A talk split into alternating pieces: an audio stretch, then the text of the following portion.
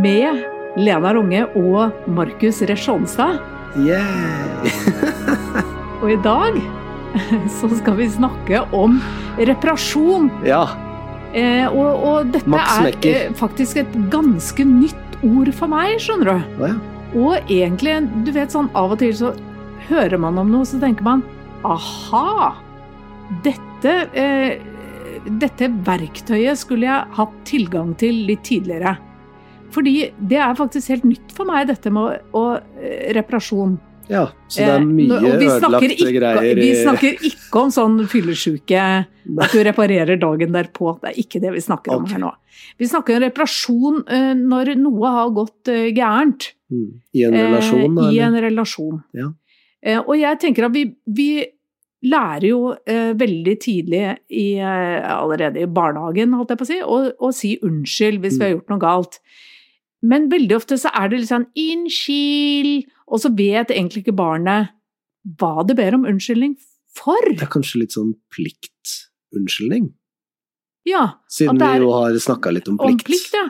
At det, det blir på en måte en slags sånn eh, Ja, det blir bare et ord. Det blir en lyd. Mm. som barnet vet at hvis barnet har gjort eh, noe galt Og veldig ofte så vet jo en unge at eh, det jeg gjorde der var ikke helt bra. Mm. Eh, men hvis man vet at det magiske ordet er unnskyld, og da er alt bra igjen, så, så, så lærer man jo egentlig ingenting av de feilene man gjør. Nei. Men kan ikke, du, kan ikke du fortelle litt om hva i, innenfor eh, psykologien hva er, det man, eh, hva er det man tenker på da når det gjelder når det ordet reparasjon, eller hva er det man gjør da?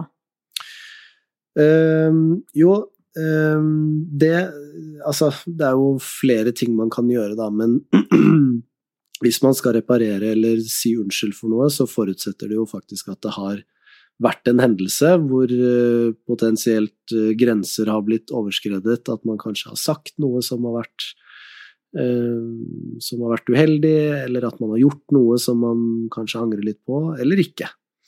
Og jeg tenker at først og fremst et, et eh, helt essensielt premiss for å skulle, skulle kunne reparere eller ville si unnskyld, er jo det å faktisk være enig med seg selv om at man har gjort noe man skulle ønske man ikke gjorde. Mm.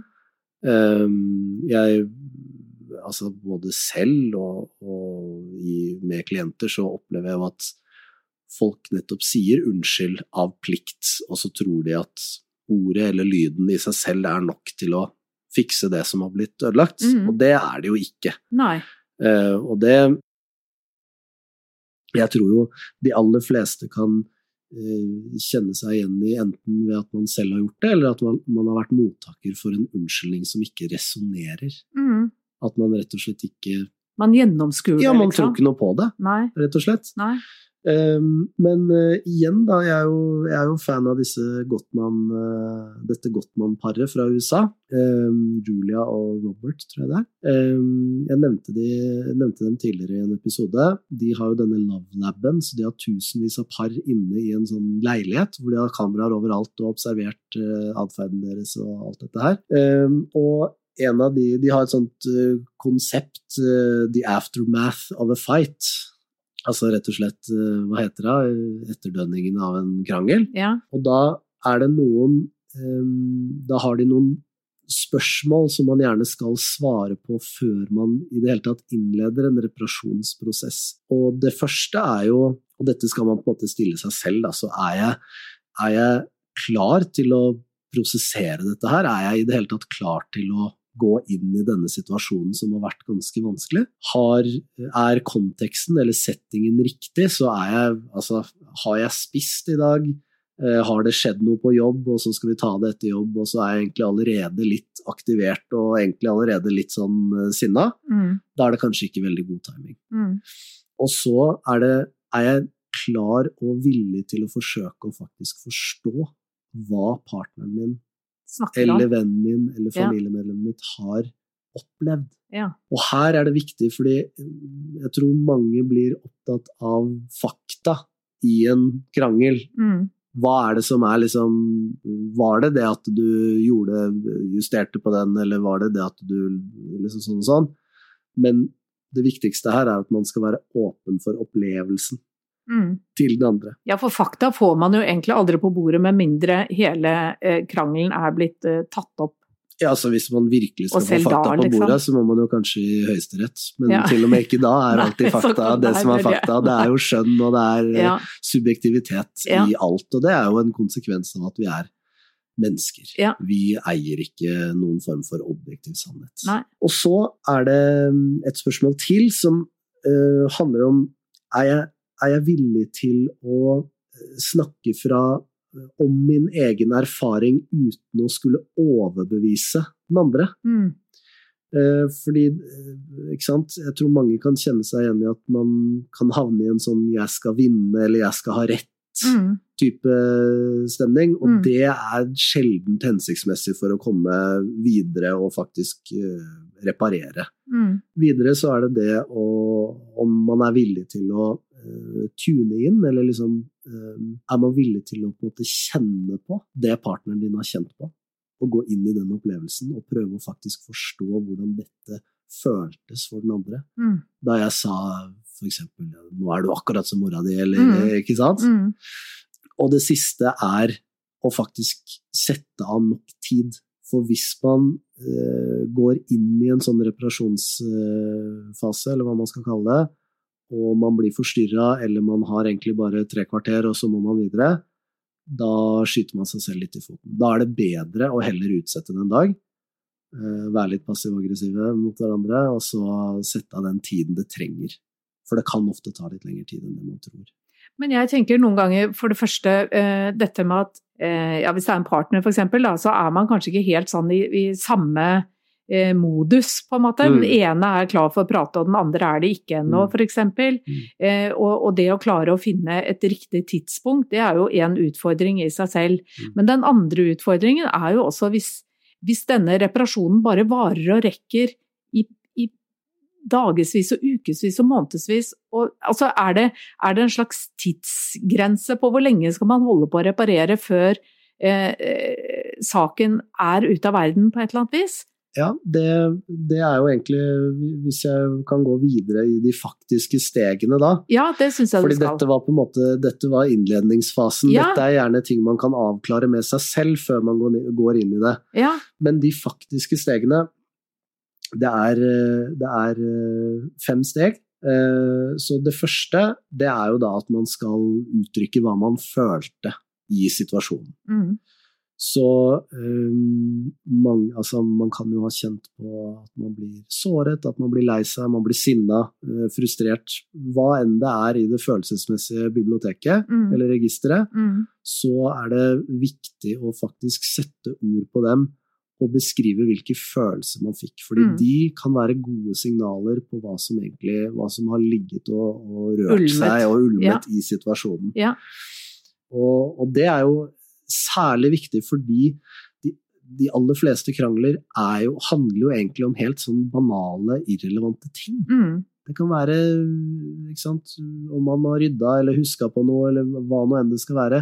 Det er gjerne de som antenner mm, disse høykonfliktene som man kan havne i. mm. Det kan Og være det- sånn hvordan man putter inn i oppvaskmaskinen. For eksempel, Ja. ikke sant? Og, Ja. det, og, og det Da kommer vi jo på en måte inn på andre temaer igjen som handler om grensesetting, grensesetting og det å faktisk være uh, tydelig på når man kjenner at uh, grensene dine blir overskrevet, Mm. og faktisk være åpen da, i et Mm. forhold. At man Mm. tør å si fra når man føler at ting ikke er som de skal. Mm, Men det er jo mange som gjerne lagrer litt over Ja, tid, og så, og så blander det seg inn i disse småkranglene. Dagligdagse tingene. dagligdagse Ja, tingene. ja, ja. mm, Eh, Men ja, så det første er jo at man rett og slett skal uttrykke hva man følte. mm, Og så, eh, det neste steget er at man skal, eh, man skal på en måte beskrive den virkeligheten eller den versjonen man selv opplevde. Hva man faktisk hva, hva er ditt narrativ gjennom denne hendelsen? mm, Og så skal man forsøke å validere hverandre.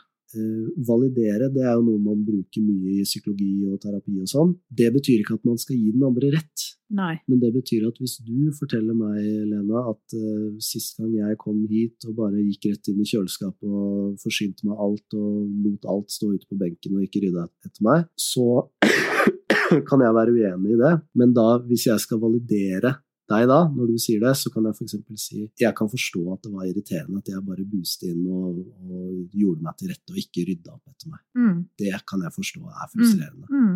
Og så kan jo jeg ha alskens mulige Grunner. gode Ja, ja, ja. grunner til at jeg ikke rakk å rydde inn. Du anerkjenner du min følelse. Jeg anerkjenner din versjon, din følelse, Ja. Mm. ikke sant? Mm.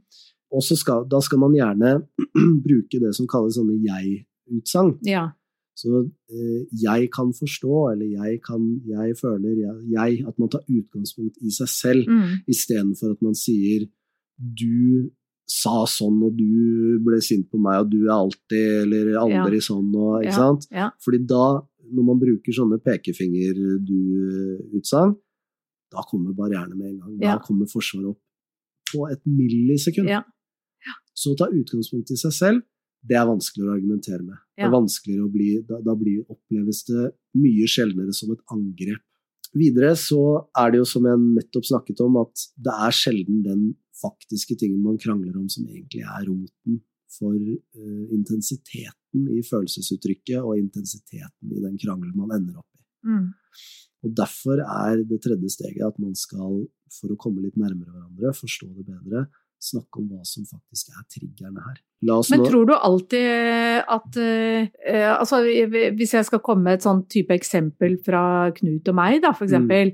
At uh, hvis han begynner å næge på alle mulige ting, på sånn å, 'Kan du ikke gjøre sånn, og kan du ikke sette skoene der', og hvorfor Ja, inn i oppvaskmaskinen, eksempel. mm, så, uh, så skjønner jeg med en gang at her er det noe annet. Men hvis jeg påpeker det, at du nå strever du med et eller annet, liksom, så, Mm. men bare ikke putt det på meg. Si hele hva det er. Ja, men nå vil jeg gjerne arrestere deg. Ja, ok. Hørte du, ja, hva du sa nå? Ja. ja, jeg gikk rett til Du fella. angrep han. Ja! Jeg gikk rett til fella. Hvis du heller hadde gått bort til Knut, blir strøket han på Ja. ryggen, sagt vet du hva, nå føler jeg, eller nå virker det på meg som at du er litt stressa. Eller at det er et eller annet som plager deg. Ja. Vil du fortelle meg hva det er? Ja. Eller stemmer det? Ja. Og vips, så kanskje senker han skuldrene litt og forteller deg hva det er. Ja. Hvis du går bort og du, nå, nå er det et eller annet, nå er det et eller annet annet her. Ja. Faen er problemet ditt, liksom. Ja, hva forventer du at han skal reagere med da? Nei, ja, jeg skjønner. Jeg skjønner. Jeg, jeg gikk i fella, rett og slett. Mm. Men det å faktisk da ta seg tid til å finne litt ut av ok, men har du Og når man snakker om triggere, så det er jo det gjerne noe som ses i sammenheng med eh, sensitiviteter man har. Og det avhenger jo av hvilke erfaringer du har fra barndommen eller fra eh, tidlig voksen alder, Ja. hvor du har blitt uh, skuffa, eller at det er noen mønstre i deg da, som, som gjør at du er ekstra sensitiv for noen ting. Ja. Noen mennesker er jo, hater jo f.eks. å bli fortalt hva de skal gjøre. Andre mennesker er veldig sensitive for det som kan oppfattes som avvisning, fordi de har noen erfaringer med det fra de var små, eller noen, Ja. veldig, noen blir veldig fornærmet hvis de blir avbrutt, f.eks., eller ikke får tid til å fullføre det de snakker om. Mm. Eh, Så det å utforske disse triggerne, utforske disse sensitivitetene med hverandre, gjør jo også at det blir mye lettere å forstå hva det er som utspiller seg når man er i de konfliktene, når man havner i de konfliktene Mm. også. Mm. Men det er gjerne noe som folk ikke har erfaring med, de har ikke språket for det, og kanskje tør man ikke Mm. å gjøre det. Mm. Og man, tar, man prioriterer det ikke. Men det gjør jo at man gjerne da gjentar disse dårlige mønstrene som skaper disse konfliktene, Mm. og blir det for mange av dem, så, så skaper man så mye skade at eh, det ofte kan være for seint å reparere, fordi det er for mye å reparere. Mm. Man, må, man må rive. Mm. Finne seg en annen. Jo, jo, men det er jo dessverre realiteten. Ja. Det er mange, jeg tror det er mange som kommer til parterapi dessverre litt for seint. ja, det tror jeg også. Mm. Mm. Tror du folk fortsatt kommer til å høre på oss når jeg får tilbake den litt sånn øh, ekle stemmen min? Nå har jeg jo litt sånn nasal, uh, behagelig Forkjølelsesstemme. Ja, jeg tror de kommer til å fortsette å høre på det. For jeg syns jo det er Det er jo utrolig spennende, fordi dette her er jo så Det er jo så gjenkjennelig, og, og For jeg tenker noen ganger at Eh, jeg kan tro at jeg er ferdig med en ting, f.eks. Mm. Eh, og jeg kan tro at dette har jeg jo snakket ferdig om. Nå Mm. har jeg fått sagt det jeg mente, og vi er ferdig med situasjonen. Mm. Men så, så kan jeg komme i en annen stressa situasjon eh, som gjør at plutselig så dukker den eh, konflikten opp igjen i meg. Ja. Og da er det veldig lett å bruke den igjen. For meg, i hvert fall. Da har dere ikke prosessert den. Nei, det er det. Da er det ikke reparert. Men når vet man at det er eh, reparert? Når vet jeg det? Er det, Det når det slutter det- ja. å dukke opp? Det vet du jo hvis, det ikke, hvis, du ikke trigg, hvis en lignende situasjon skulle oppstå, da, Ja. og du ikke trigges på samme måte. Enten fordi du forstår hvorfor det skjer i Ja. større grad. Forståelse gjør jo at ting er mye enklere å forholde seg til. Ja, ja, ja. Men helst, og her kommer vi jo inn på steg fire, Mm, at man skal ta eierskap til den rollen man har ja, spilt Ja. for å lage eller skape den situasjonen som har oppstått. Ja. Og det er her unnskyldningen kommer inn også. Ja. Da skal man rett og slett ta ansvar for det man selv har brakt inn i situasjonen. Eh, ofte kan det være at man f.eks. kan at man har overreagert i forhold til Mm. det situasjonen skulle tilsi. Da kan man jo f.eks. beklage for at vet du hva, jeg er lei meg for at jeg overreagerte. Det skulle jeg ikke ha gjort, Mm. og det skal jeg forsøke å, å, å bli bedre på fremover. mm, mm, Det er en ordentlig unnskyldning. mm. Men for at du skal kunne finne de unnskyldningene som faktisk monner, og for at du skal kunne gjøre noen endringer med det, så må du også forstå det. Og Det er derfor man har de tre stegene før dette her. Mm, Fordi først så må man gå gjennom situasjonen. Så må man på en måte finne ut av ok, men hva var det egentlig som skjedde her, hva, var det, Mm. hva brakte vi inn? Og så kan man ta eierskap for det som er ditt eget, når man har sortert litt. Og så kan man beklage for det man faktisk brakte inn som ikke var hensiktsmessig, og ikke noe hyggelig for verken deg sjæl eller partneren din. mm. Og så, og så tenker jeg, fordi dette eh, er jo også I og med at vi er en generasjonsbro, da, eller vi holder på å bygge denne broen, mm, så tenker jeg at jo, jo eldre jeg blir, og, og jo mer voksne barna mine blir, på en måte, så er det mange ting jeg ser tilbake på mm, og tenker at åh, Som jeg angrer litt på, skjønner du. Jeg angrer på min egen håndtering av eh, situasjoner, da. mm. Hvor jeg eh, tenker men det er jo for seint nå. Det er, det er for sent nå å plutselig begynne med sånn Sorry for det som skjedde den gangen, liksom. Ripper, ripper jeg da opp i noe som jeg bare burde la ligge? Eller, og så og så er det også noen ganger dette blir egentlig to spørsmål, da, eh, Mm. så du får holde tunga rett i munnen her. Men en annen ting eh, Jeg husker en gang at vi satt rundt eh, bordet, og så spurte jeg alle barna eh, er det noe dere har opplevd hvor dere tenker at det skal jeg i hvert fall aldri ta med videre hvis jeg en gang selv får barn. Oi, det var et modig spørsmål. Det var et veldig modig spørsmål, og jeg hadde stålsatt meg litt før jeg eh, stilte det spørsmålet. Men det handlet jo litt om at jeg drev med litt sånn selvpisking da, på alle tingene jeg skulle gjort annerledes. Mm. Så jeg, jeg var egentlig litt sånn forberedt på å, å få ordentlig svar på tiltale.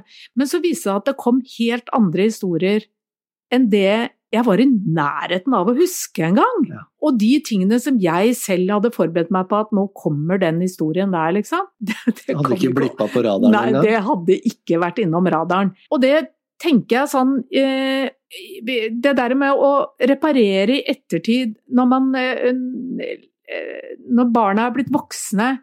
Er det noen gang for seint å reparere? Eller er det sånn at hvis det kommer en genuin unnskyldning ja, Nå kommer jeg på enda en ting, men kanskje Mm. jeg skal vente med det. Men jo, nei, jeg kan ta det med det samme, da.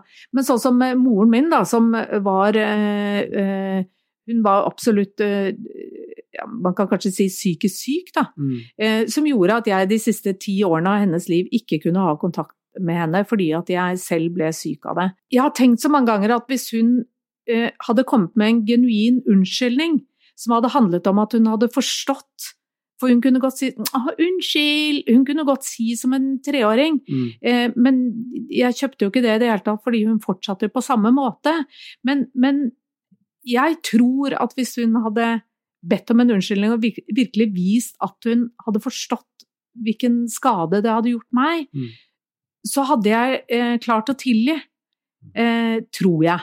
Men har, har, man noen sånn, har man noen sånn forskning på, eller har man noen ideer om om det er for sent noen ganger, eller om man kan gå tilbake til når barna var små og si 'sorry for det jeg gjorde den gangen', og så kan man reetablere et godt forhold? Jeg er jo kanskje litt sånn håpløs romantiker, eller hva man skal kalle det, men jeg, jeg tror jo at øh, det er veldig mye som kan endres på.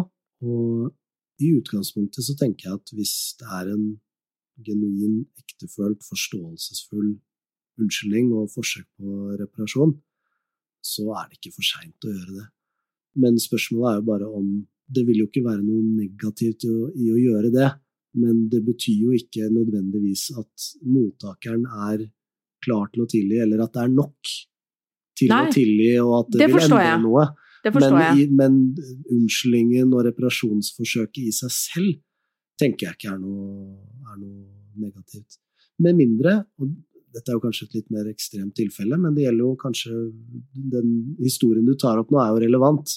Hvis man selv har satt opp en grense og brutt kontakt med mm. et familiemedlem eller noen i livet ditt som har vært veldig grenseoverskridende, om det har vært vold eller seksuell, seksuelle krenkelser eller, eller sånne type ting, så kan jo den kontakten i seg selv oppleves som en manglende respekt på grensene. Mm. Så det er ikke sikkert alltid at det uh, er det riktige å gjøre. Samtidig så tror jeg at uh, hvis man har blitt uh, forvoldt smerte, så er det en del av deg som alltid vil ønske at det skal Bli bra fikse, igjen. Fikses opp i, ja. ja. Ja, og, og, nå var jo det Altså, historien med, med moren min er jo eh, ganske ekstrem. Mm. Men jeg tenker tilbake på sånn som den historien med ungene mine rundt eh, bordet, hvor vi satt og snakket om ting vi ikke ville bringe videre. Så var det ikke så vanskelig for meg å kunne gå inn i de historiene de fortalte, og si at det forstår jeg. Det, ja. det var virkelig ikke innom hodet mitt. Min første tanke var selvfølgelig å forsvare meg. Fordi jeg tenkte at dette er jo helt vilt. Mm. Eh, men jeg klarte å la være å gjøre det nettopp fordi at jeg ble litt lettet over at de historiene jeg hadde piska meg med, ikke var kanskje det som lå for, forrest i deres eh, traumeboks. Da. Mm. Men det ga jo meg faktisk en mulighet til å eh, for det første si at det forstår jeg, mm. det ber jeg om unnskyldning for. Mm.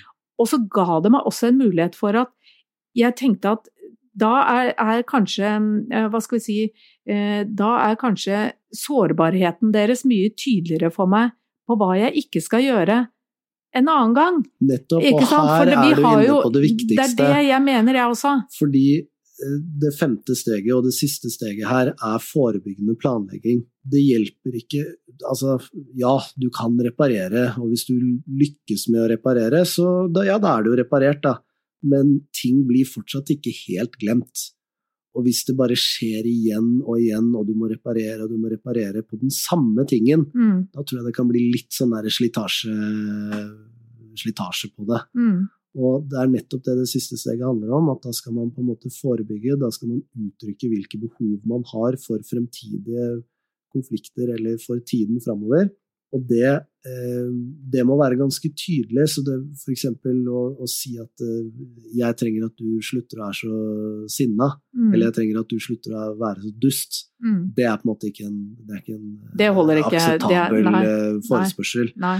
Det må eh, f.eks. være at eh, 'jeg trenger å vite mer om hva som stresser deg', f.eks. Eller jeg jeg trenger at du er litt mer åpen tidligere om hva, hva du syns er vanskelig, mm. sånn at man forebygger. Mm. Og sånn at man nettopp kan unngå at det skjer igjen. Mm. For det er jo noe med at når du reparerer noe, så skal du jo også unngå at det skjer igjen, ikke sant? Mm. Mm.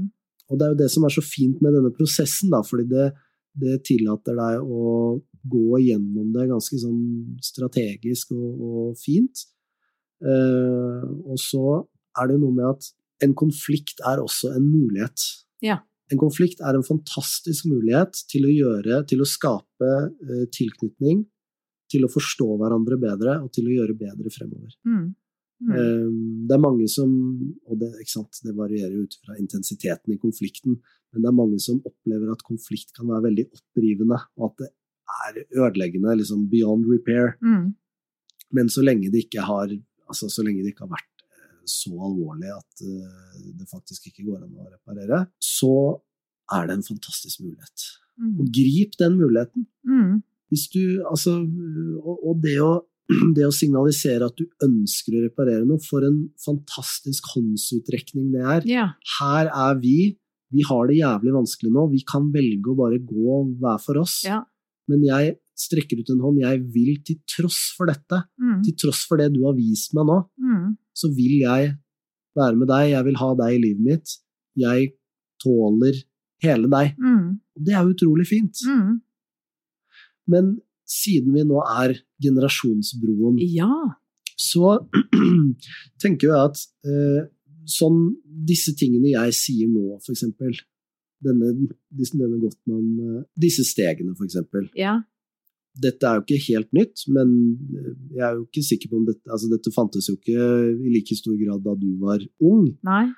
Så jeg tror jo at um, den populærpsykologien gjør seg ganske gjeldende mellom våre generasjoner her. Ja. At for min generasjon så er det så utrolig mye litteratur og podcaster og apper og ting og tang som vi kan bruke som verktøy inn i livene våre. Mm. Og vi snakker jo veldig mye om hvordan sosiale medier er, eh, har negativ innvirkning på oss, og det er information overload osv. Men Mm. jeg følger f.eks. parterapeuter på Instagram. Jeg følger nå som jeg skal bli pappa, så følger jeg sånne pappaer som poster eh, nyttige tips og triks til Mm. hvordan å håndtere nyfødte babyer og sånn. Det er jo masse god informasjon, Informasjon der også, også, som man ja. kan ta til seg. ja. Og det hadde jo ikke dere. Nei, og jeg like har jo egentlig grad. bare tenkt sånn stakkars dere som har all den informasjonen, men, men fordi jeg, jeg har liksom tenkt at det, det det setter helt sånne urealistiske krav til deg selv som, som far, for eksempel, da. Mm. Eh, når du bare ser sånne Men jeg har sett for meg at du da bare ser sånne perfekte pappaer som eh, både gjør det og det og det, og samtidig har de tid til å eh, eh, bake brød og male hus, liksom. Ja, ja. At det, at, det er, at det blir noe å strekke seg etter som er egentlig en umulighet, da, som bare gjør at du føler mindre og mindre mestring selv. Ja. Eh, Men, men, eh, men du sier jo at det er, heller er omvendt, at det er litt sånn inspirerende, på en måte. At det er eh, fint. Mm. Fine ting. Jeg, jeg tror jo at eh, hvis du har en noenlunde sunn selvfølelse, Mm. At du er eh, relativt trygg på deg selv, og at du er et verdig eh, menneske, verdig kjærlighet, og at du har nok kompetanse til å håndtere livet ditt, så vil jo møtet med sosiale medier være en relativt positiv ting. Mm. Mm. Eh, At man ikke drar tankene dit da, at å herregud, fordi han kan det, så er jeg mindre verdt, og det klarer ikke jeg, og han er perfekt, og alle disse tingene her Mm. Hvis du, hvis du på en måte forstår og minner deg selv litt på at sosiale medier er jo også en sminket versjon av sannheten, Mm. så er det også lettere å håndtere. Mm. Og da kan man jo, hvis man er litt mer kynisk på det, da, kan man jo rett og slett plukke av et enormt bibliotek av veldig nyttig informasjon. Ja. Og selvfølgelig til tider misinformasjon og feilinformasjon Ja. og, osv. Ja. Men jeg syns jo sosiale medier og, dette informasjonssamfunnet som vi nå lever i, noen ganger får et litt ufortjent dårlig rykte. Man kan jo utdanne seg til å bli snekker omtrent på YouTube, eller fikse maskiner. Altså, ja, ja, ja. Det er så mange muligheter. Ja. Og jeg tenker jo at mannsrollen f.eks. har jo vært i stor utvikling de siste 20-30 årene. Eh, Fedre tilbringer eh, mye mer tid nå med ungene sine enn Mm. enn de gjorde før. Mm. Eh, Har fått en helt annen rolle under fødsel, f.eks. Mm. Sånn at dette med å si unnskyld og reparere og rett og slett legge seg litt på linje med hverandre, da, og kanskje særlig i heteronormative mann-kvinne-forhold, men også i andre konstellasjoner, Mm. Eh, så tror jeg at det er et, et taktskifte, et generasjonsskifte. Mm. Ja, det, det er jo bare å håpe på, øh, håpe på det. At det er det. Fordi jeg tror jo at det, det Vi er jo øh, avhengige av hverandre på en god måte. Mm. Eh, og, og vi trenger jo eh, stemmer fra eh, både menn og kvinner. Mm. Eh, og, og, og, det trenger barna også. Mm. Men, og, og, det kan jo bli spennende også, eh, sånn som med barn, da. Med barnepsykologi, på en måte. Jeg vet ikke hvor, hvor mye eh, du har hatt om det på studiet ditt, men, Mm. men, men, det å si unnskyld til et barn hvis man har gått over en grense eh, og blitt veldig irritert f.eks., eller høyrøstet eller smelt med en dør, det er jo også en, en Det jo, kan jo være vanskelig, fordi det er jo ikke sikkert at hvis det er rett før leggetid, hvis du skal bruke noen av de der rådene på de trinnene, da, Mm.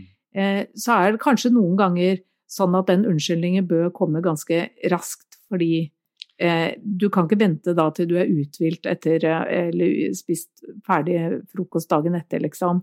Og det, dette er jo en optimal måte å gjøre det på. Ja. Men det er klart at vi, når det skjer ting, ting i, i øyeblikket, Mm. og man raskt kan erkjenne at oi, shit, her overreagerte jeg, Ja. da er det ikke noe i veien for å bare sette seg ned på huk foran ungen og si du, unnskyld at pappa ble så sinna. Ja. Eh, Det, det var ikke din skyld. Nei. Ikke sant? Mm. Og man kan, ikke, man kan ikke gå gjennom denne prosessen med Nei. et barn slik, som man, slik man kan med voksne. Nei. Eh, Så dette er jo en voksen form for reparerings Ja. Ja. Det, det, jeg, nå lærte jeg veldig mye, og, og jeg tenker også at eh, det, det er fint å ha de derre trinnene litt grann i bakhodet, tenker jeg. Mm. For neste gang eh, jeg havner opp i en, eh, en konflikt med noen av mine nærmeste, på en måte. Mm. Er det noe mer du tenker at vi burde snakke om når det gjelder dette her, eller? Altså, jeg, jeg lurer jo litt på um, om du har opplevd noen utvikling der?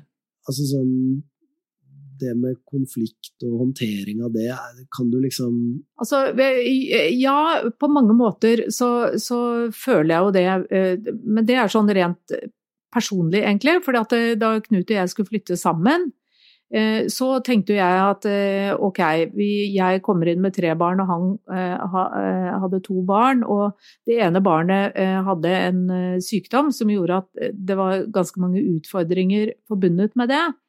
Eh, som jeg tenkte at for at, jeg, for at vi skal klare det, og jeg visste jo at dette kommer til å bli vanskelig, eh, så, så meldte jeg oss på et sånt kurs da, eh, som het Hva med oss?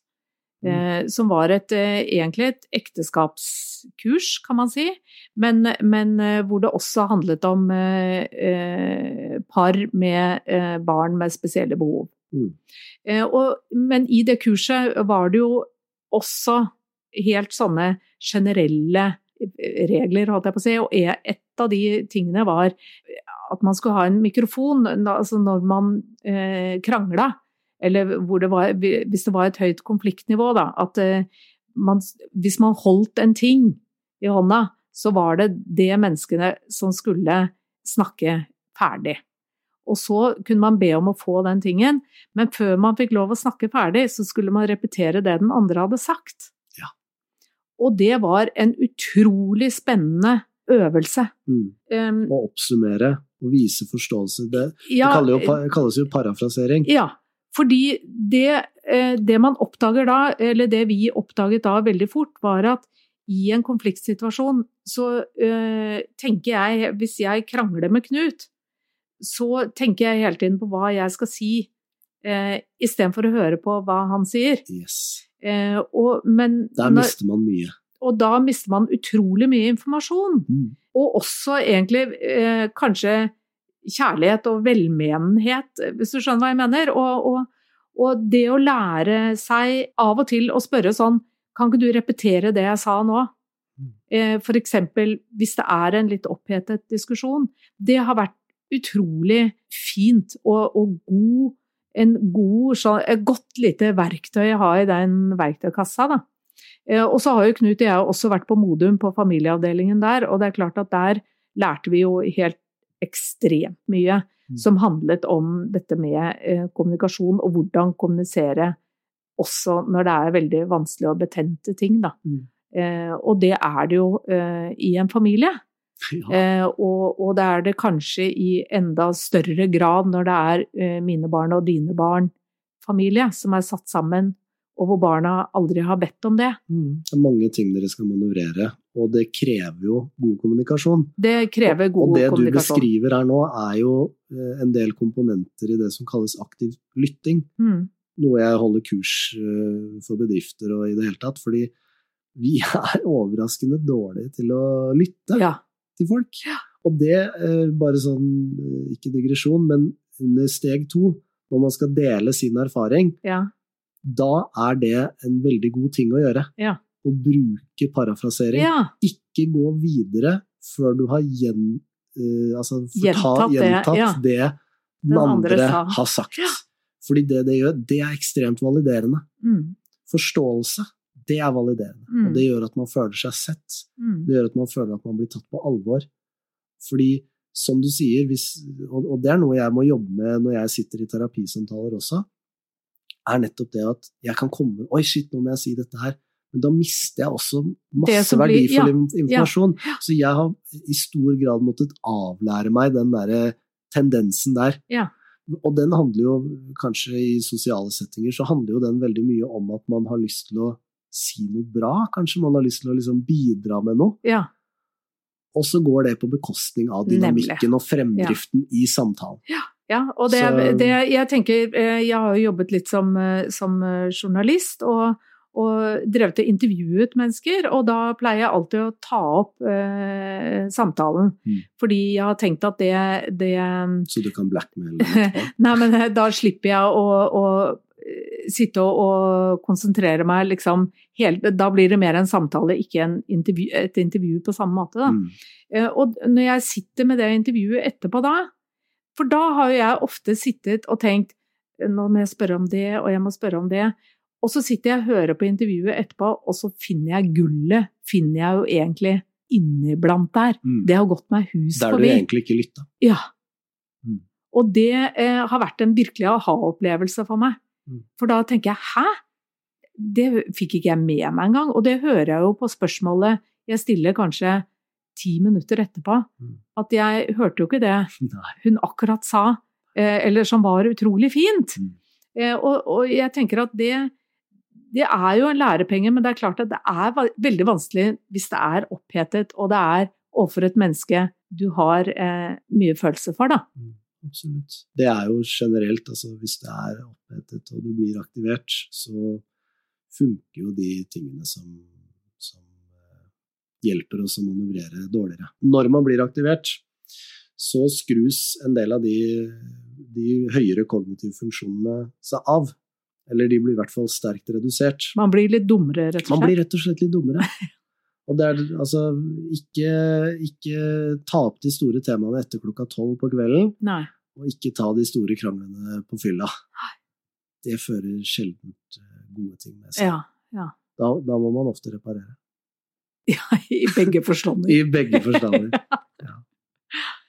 Men jeg tenker vi er omtrent uh, i mål her ja, nå, uh, Markus, for denne gang. Ja. Det var uh, spennende, syns jeg. Og, og jeg tenker at jeg skal i hvert fall ta det med meg videre og, og fortsette min nye, nyvinning innenfor dette begrepet reparering. Mm.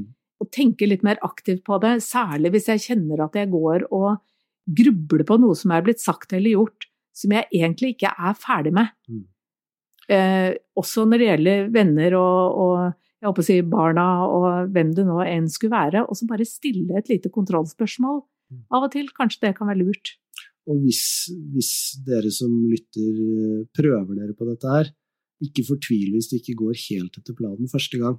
Dette er noe som gjerne krever litt trening, og som må forvaltes og opprettholdes over tid. Det er rett og slett en skill, Ja. på en måte. Ja. Mm. Eller en evne, da. Så, men hvis dere har noen spørsmål, eller lurer på når jeg skal bli frisk, eller ønsker å ønske, meg god bedring, send gjerne inn en e-post på post at generasjonsbroen.no. Eh, ris og ros, alt er, tas imot med åpne armer. Og så høres vi. Ja. Ja. Og har dere lyst til å følge podkasten, så selvfølgelig trykk følg. Og For lik da- og del og i det hele tatt.